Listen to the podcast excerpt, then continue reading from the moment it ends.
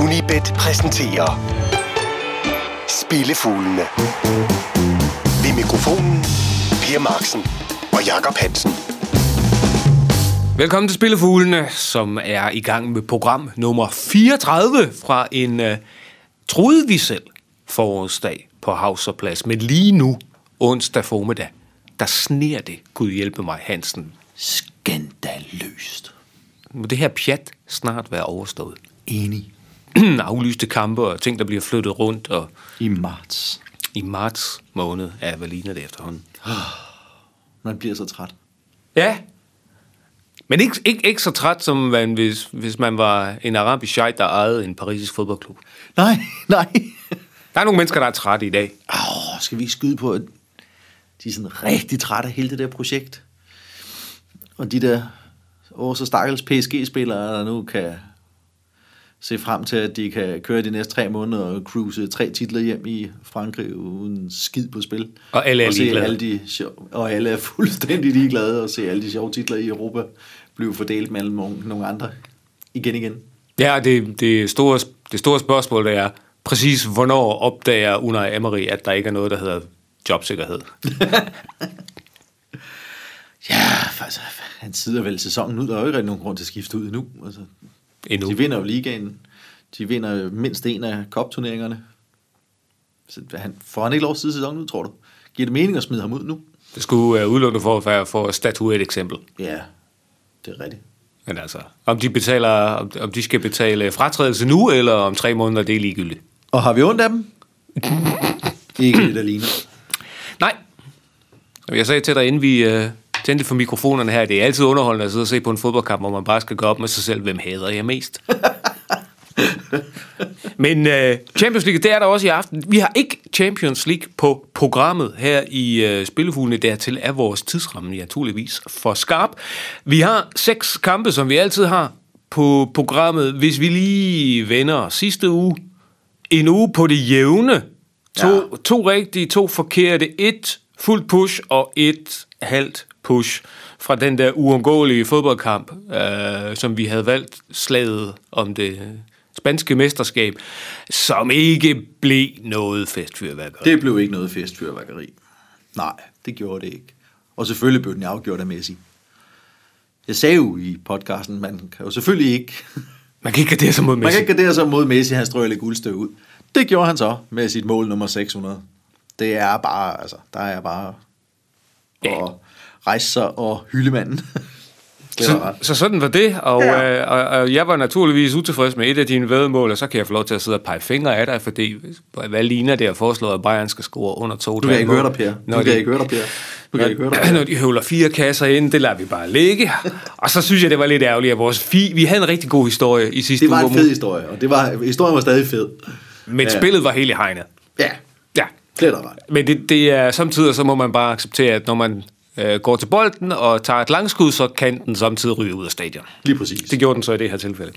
Øh, det var sidste uge. Den her uge åbner vi også. Nogen vil sige en uundgåelig fodboldkamp. Øh, Jeg vil jo så sige, at det er en komplet ligegyldig øh, fodboldforestilling fra det nordengelske, som du af sentimentale årsager har hævet op af hatten her. Et hold fra Ej, Manchester... nu har du været forbi staden igen, Per. Et hold fra Manchester mod et hold fra Liverpool, og de begge to klædt i rødt, og ingen af dem kan blive mestre. Nå, men fortæl mig, hvorfor vi alligevel skal ud på den her fodboldkamp.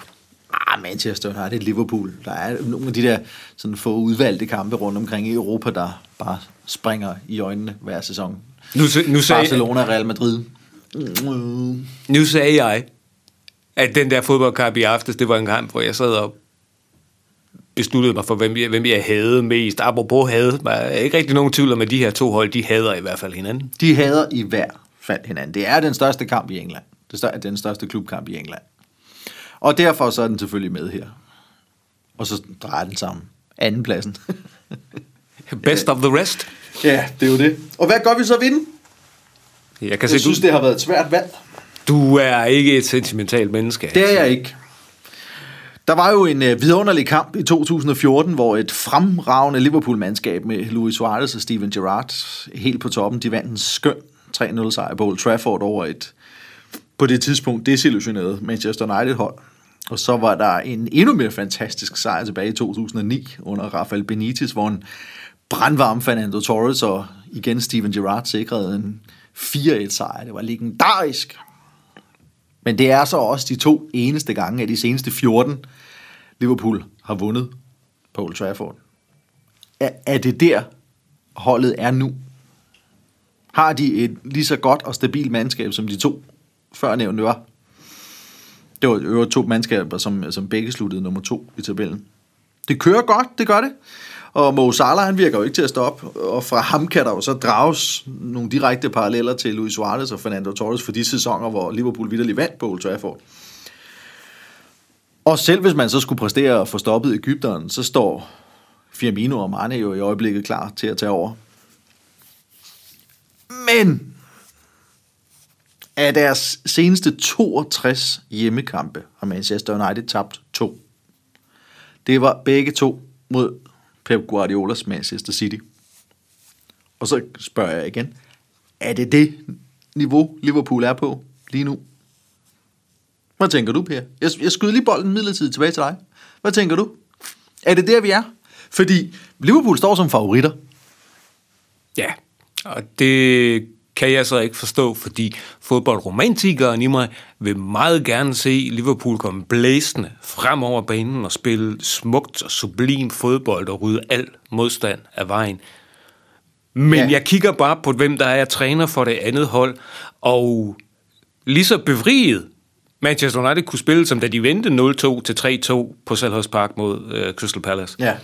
Lige så nederdrægtigt antifodbold, resultatorienteret, kan de også spille under den træner, som de har nu. Ja, netop. Og, og, jeg, og jeg tror, at Mourinho er bedøvende ligeglad med, om han spiller på Old Trafford, eller hvor pokker han spiller hen. Det tror jeg, du har ret i. Og det er jo lykkedes Mourinho at låse de seneste kampe mod, øh, mod Liverpool og Jürgen Klopp. Altså, de seneste fire gange, de har mødt hinanden, sluttede det uafgjort. Og de seneste to gange, de har i hvert fald mødt hinanden på Anfield, der var det ganske enkelt mere underholdende at se maling tørre, end det var at sidde og se kampen. Jeg er ikke sikker på, at Liverpool de skal være favorit endnu på udebane på Old Trafford. Og så generelt, så er det altså også bare de færreste af de her indbyrdes øh, kampe mellem top 6, top 6 holdene, som bliver vundet af udeholdet. Og når man får United med to hjemmenederlag i 62 kampe som outsider, så foretrækker jeg altså at gå kynikernes vej og gå med hjemmeholdet. Jeg synes også på et kryds, det, er, det bliver for fæsent til min smag. Og jeg spiller et-tallet på en draw no bet. Det giver odds 1,93. 1,93, og vi får pengene retur, hvis det ender i endnu en øh, omgang. Udgjort for femte gang i træk. Ja. øh, fra det engelske til det norditalienske, og for at finde ugens Asian, hvor vi er dybest set bedøvende ligeglade med, hvor den kamp ender. Fuldstændig. Bare vi, den ikke bliver målrig. Bare den ikke bliver målrig. Og vi handler om opgøret mellem Genua og AC Milan, og jeg går ud fra, at årsagen til, at vi tror på noget målfattigt, det hænger en lille bitte smule sammen med, at AC Milan torsdag aften skal spille Europa League mod Arsenal. Det er det også, men det hænger så sandelig også sammen med, hvordan Genua spiller i øjeblikket. Den 25. oktober sidste år, der spillede Genua på hjemmebane mod Napoli og tabt 2-3. Dengang hed træneren Ivan Juric. Det hedder han ikke længere, vel? Det hedder han ikke længere. Han øh, holdt to kampe mere, inden han blev hældt ud. Og så kom Davide Ballardini ind, og så fik vi da nok lige sat en stopper for den slags cirkuskamp. Af deres seneste 18 kampe havde 16 højst to scoringer.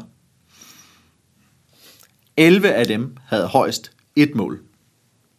De har spillet syv hjemmekamp under Ballardini. Seks af dem gik under tre scoringer. De har lige slået Inter med 2-0 på hjemmebane.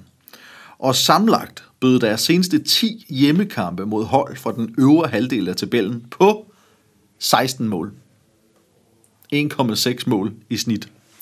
Prøv lige at sammenholde det med, hvordan Milan spiller i øjeblikket. De går ind til kampen med seks clean sheets i træk. Og det her indslag er jo så lavet inden deres øh, Europa League-kamp torsdag mod Arsenal. Og netop fordi den her kamp ligger ind imellem to kampe mod Arsenal, så kommer de ikke til Genua for at underholde. Og de seneste to gange, de mødte hinanden, sluttede det 0-0 og 1-0. Der vil ikke være nogen stor sensation, hvis det bliver målfaldet igen. Under 2,25 mål og til 1,80. Wow, det lyder som om, at uh, Genua-træner Ballardini, han er Han er en festabe. simpelthen et festabe. Det er space, sjov, gak og løjer. Ja. Nå, men øh, med et målmæssigt øh, nederen Asian-spil, så skal vi øh, ud på vores vanlige europæiske rundtur. Spillefuglene fra Unibet. Jakob Hansen og Per Marksen. Og den rundtur, den begynder vi på Signal Iduna Park i Dortmund, som har besøg af Eintracht Frankfurt. Humlebien kan ikke flyve, siger man. Og Frankfurt er ikke noget tophold. Det har man bare glemt at fortælle Frankfurt. Ja, Øh, det har man. Som er med i øh, det, vi vist roligt kan kalde et snækkenrennen, altså et snegleløb om Champions League-pladserne. Det er jo en øh, spændende liga, Bundesligaen. Altså den liga, som de der 17 hold, der ikke er bare en München spiller i. Um, Ja. Det er det. og du tror også på, at vi får en sjov fodboldkamp her? Ja, det tror jeg helt klart. Dortmund-Frankfurt, begge hold scorer. Det giver til 1,68. Ja, der er jo kommet væsentligt mere skub i Dortmunds øh, spil, siden Marco Reus han vendte tilbage fra sin seneste skadespause. Og han har jo selv scoret i de seneste tre ligakampe. Så han har jo til synligheden genoptrænet godt. Øh, ikke desto mindre har Dortmund altså heller ikke, stadig ikke vundet de seneste tre kampe. Og igen er det inden Europa League torsdag. For defensiven er bare langt fra dirkefri. De lukker ikke så mange mål ind som øh, tidligere på sæsonen. Men de har spillet 12 kampe under Peter Støkker, og de er indkasseret i 9 af de kampe. Kun i to hjemmekampe mod bundholdene Wolfsburg og Hans lykkedes det at holde ren bur, og så i udkampen mod Gladbach, der var egentlig noget af en scoringskris på det tidspunkt. Fire af seks hjemmekampe under stykker har set begge hold score. Og det tror jeg også bliver tilfældet her, for Frankfurt er simpelthen bare klasser bedre end Haas Favre og Wolfsburg. Det er kun Bayern München, der har samlet flere point efter vinterpausen end Frankfurt. Og ikke mindst er det kun Bayern München, som har samlet flere point på udebane end Frankfurt. Med Niko Kovac som cheftræner har Frankfurt mødt Dortmund fem gange. Frankfurt scorede i alle fem, og de seneste fire gange, de mødte hinanden, var begge hold på tavlen. De spiller med så stor selvtillid i øjeblikket, at de er helt klar til at tage til Signal i Duna Park og hive noget med hjem. Det er ikke ens betydende med, at de gør det, men det er de to klubber, der ligger nummer 3 og 4 på 42 point, og det vil være en exceptionel markør for, for mandskabet selv, over for sig selv mentalt, og hvad, hvis de er, viser sig i stand til at gå ud og hive noget med hjem fra den her kamp, så vil de for alvor begynde at tro på, måske er det ikke utopi med den top 4-placering. Begge hold scorer. Begge hold scorer. Jeg vil sige, at uh, Marco Reus er kommet ganske rigtigt godt tilbage efter den her skadespause. Og selvom det ikke på nogen måder er fuldendt endnu, så er der sådan en tegn i sol og måne på, at øh, tre sådan halvblonde musketerer er begyndt at finde hinanden lidt bedre i form af yeah. Reus, Götze og Schürrle. Det er de, der faktisk, de, ja. de kan faktisk godt finde ud af at klikke sammen, de tre. Så skal vi bare lige have Og det er altså, når det, når det ruller for dem, så er det altså tre vidunderlige boldspillere at have liggende bag øh, Batshuayi. Og det går den underlyne med hurtigt. Ja, det gør det. Det gør det. Men øh, Frankfurt er heller ikke von schlechten Eltern, som man siger, fordi øh, de har deres lille, de har deres store kampvognscenter forward, Allaire, Ja. som ikke har scoret de sidste par, par kampe, men som stadigvæk er en god opspilstation og altid farlig op foran, hvor, og så er Ante Rebic sådan en lille aggressiv type. Han er ret godt kørende for tiden også. I det hele taget så fungerer... Marcus Wolf, ikke? Jo, Markus Wolf også øh, sublim. Så lige nu, der kører det der multikulti-kollektiv, som Ja, Kovac altså. har samlet i Frankfurt. Det kører ja. faktisk ret godt. 1,68, hvis, øh, hvis begge hold de kommer på tavlen her. Ja. Vi bliver i øvrigt i de tyske, og hvis vi synes, at det bliver sjovt mellem Dortmund og Frankfurt, så skulle det gerne gå hen og blive voldsomt underholdende, når, når MSV Duisburg de, uh, har besøg af Fortuna Düsseldorf. Det skulle man, ikke- man skulle ikke tro, at Fortuna Düsseldorf, et hold under Spilfadærber og en frital funkel. Nej. det, de funkler, men de er, er, de er pænt effektive.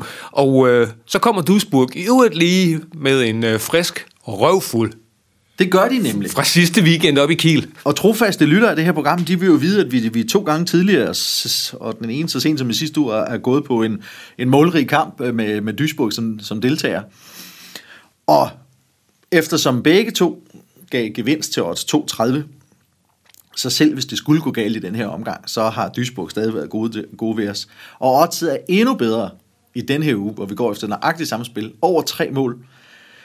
Så indskud retur, hvis der bliver scoret tre gange, gevinst, hvis der bliver scoret mere end det. Og oddset er den her gang odds 2,95 på mere end tre mål. Det er meget, meget højt. Det er utrolig højt. Og der er simpelthen ikke belæg for at tro, at det den her gang skulle blive en tørvetriller af en kamp med, med Duisburg som deltager. Nu så vi jo sidste uge, hvordan de blev fuldstændig skilt ad af Holstein Kiel, der ellers ikke havde vundet siden november måned. De møder sig i den her weekend for Fortuna Düsseldorf, for de spiller helt klart ikke lige så offensivt som Holstein Kiel. Men så kedeligt er det altså heller ikke. Deres 25 ligakamp, de har et snit på 2,84 mål per kamp. Trods alt. Og så lad os lige øh, endnu en gang hive samme begrundelse frem igen i den her uge, som jeg også var anvendt i sidste uge på Duisburg. Deres kampe mod de øvrige hold fra toppen af tabellen. Tre gange mod Nürnberg, fordi de også har mødt hinanden, mødt hinanden i pokalen. 1-3, 1-6 og 1-2. To gange har de mødt Ingolstadt. 2-1 og 2-2. Regensburg, der tabte de 0-4. Mod Kiel har de tabt 1-3 og 0-5. Og mod Düsseldorf tabte de 5-1. Ni kampe mod top 5 hold. Alle ni med mindst tre, tre mål. Syv af dem med mere end tre mål. Ja, ja, siger du så, men hvad så med Düsseldorf? De har spillet tre udkamp i 2018. De endte 3-1, 1-3 og 3-4. Den samlede målscore på 7-8 for tre kamp. Det er et gennemsnit på 5 mål per kamp. Og så får du 2,95. Det skal prøves, Per. Ja, Et fremragende også. det synes jeg også. Og øh, der må simpelthen være nogen, der tror, at øh, Duisburg har trænet øh, opdækning i forbindelse med standardsituationer, fordi øh, jeg tror, de lukker to eller tre mål ind af den vej mod, mod Kiel. Det Ja. for, var et forsvar, der sejlede rundt. Det lignede, det lignede Liverpool-forsvaret med Minolet på mål. Så nervøse var de ved Jørgens Bak. Bare lige for at sætte det i relief. Bare lige for at sætte det her. Ja. Øh, men så forlader vi de tyske med, øh, med, med de her, efter de her to, og vi smutter rask væk hen over Nordsøen, fordi nu skal vi til Skotland. Vi skal tilbage til Skotland. Vi skal tilbage til Skotland, og vi skal ikke bare tilbage til Skotland, vi skal til øh, det største opgør i skotsk fodbold, til The Old Firm. Rangers mod Celtic.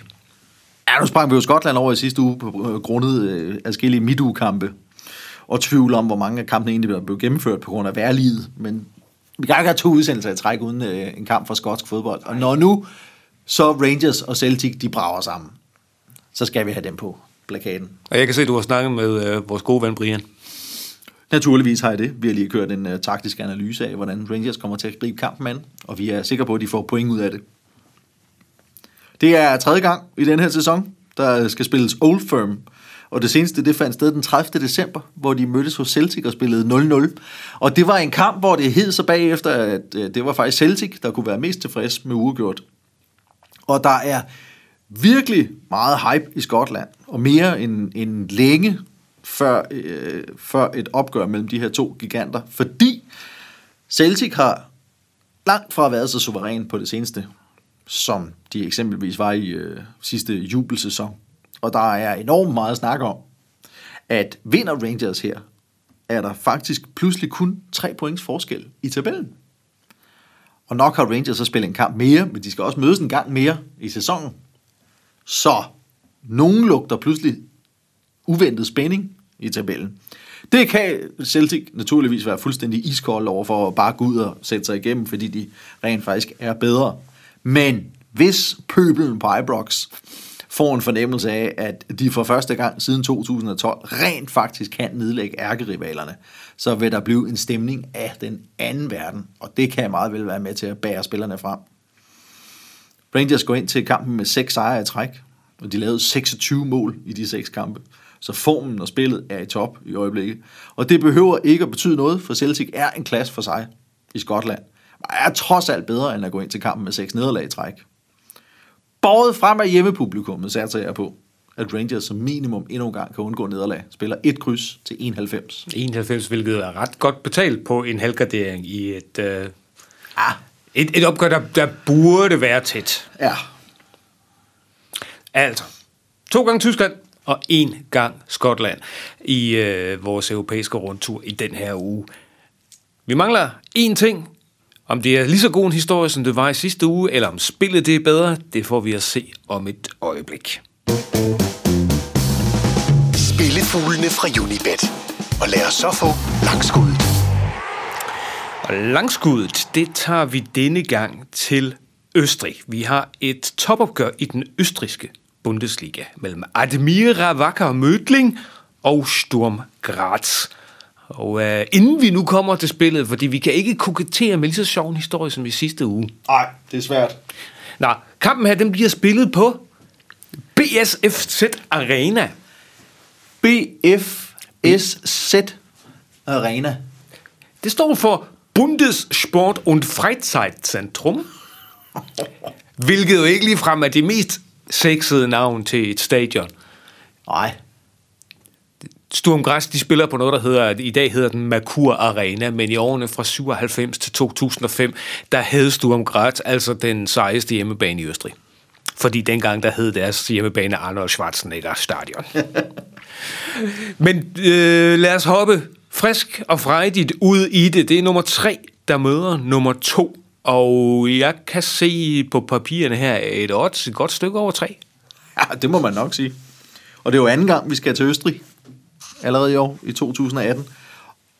Og det er anden gang, vi skal til Admira, og vi prøver præcis samme spil som sidst. Draw no bet på et-tallet på Admira. Det giver odds 3,15. Er man endnu modigere end jeg er, så går man på det rene et-tal, der giver odds 4,10.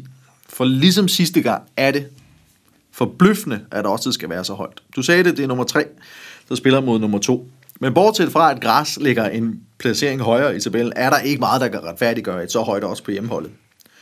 Græs er kommet ud efter julepausen med én sejr i fem ligakamp, og til gengæld tre nederlag. Admira har åbnet med tre sejre, også i fem ligakamp, og heraf blev begge hjemmekampe vundet over henholdsvis Rapid og Austria Wien. Græs har vundet 7 af 13 udkampe, men til gengæld også tabt 5. Og de har med andre ord sat point over styr i næsten halvdelen af deres udkamp, og kan man så på den baggrund være odds 1,80 favorit mod ligaens stærkeste hjemmehold. Og ja, det er Admira. De har 9-2-1 på eget græs, og det kan ikke engang RB Salzburg slå. Græs har 6 hjemmesejre og et nederlag i deres seneste 10 kampe på eget græs mod hold fra den bedste halvdel af tabellen. Det ene nederlag var til Salzburg. De vandt til gengæld de to seneste hjemmekampe over græs. Præcis som mod Rapid er oddset for hjemmesejren alt, alt for høj og skal prøves af. 3-15, og Ja. det er oven i købet på et draw no bet, så pengene retur, hvis kampen er uafgjort. Nemlig. Ugens langskud er altså fundet i det østriske, og udover det, så er forslagene i ugen øh, et, en et kryds gardering, når Rangers de møder Celtic i Skotland. Vi tror på et Asian Handicap over tre mål, når MSV Duisburg møder Fortuna Düsseldorf i anden Bundesliga. Vi skal have begge hold til at score i øh, Bundesligaen, når Borussia Dortmund har besøg af Eintracht Frankfurt. Vi har behov for en målfattig affære i Serie A. Genoa har hjemmebane mod AC Milan, og spillet er Asian under 2,25. Og ugens uundgåelige, det største opgør i England, Manchester United mod Liverpool. Et et-tal som draw no bet. Kynikeren Jakob Hansen og hans forslag, dem kan I så em, altid finde inde på Facebook og på sportsmagasinet inde under unibet.dk. Husk, den er fyldt med analyser, reportager og meget andet godt fra sportens verden. De levende billeder, dem finder du på YouTube-kanalen for Unibet Danmark, hvor det er Anders Sigdal, der styrer løgene. Fordi jeg er, der er mest øh, tysk fodbold, så anbefaler vi vores øh, Hansen og mit lille webshow Schwarzrot Gold TV på Facebook.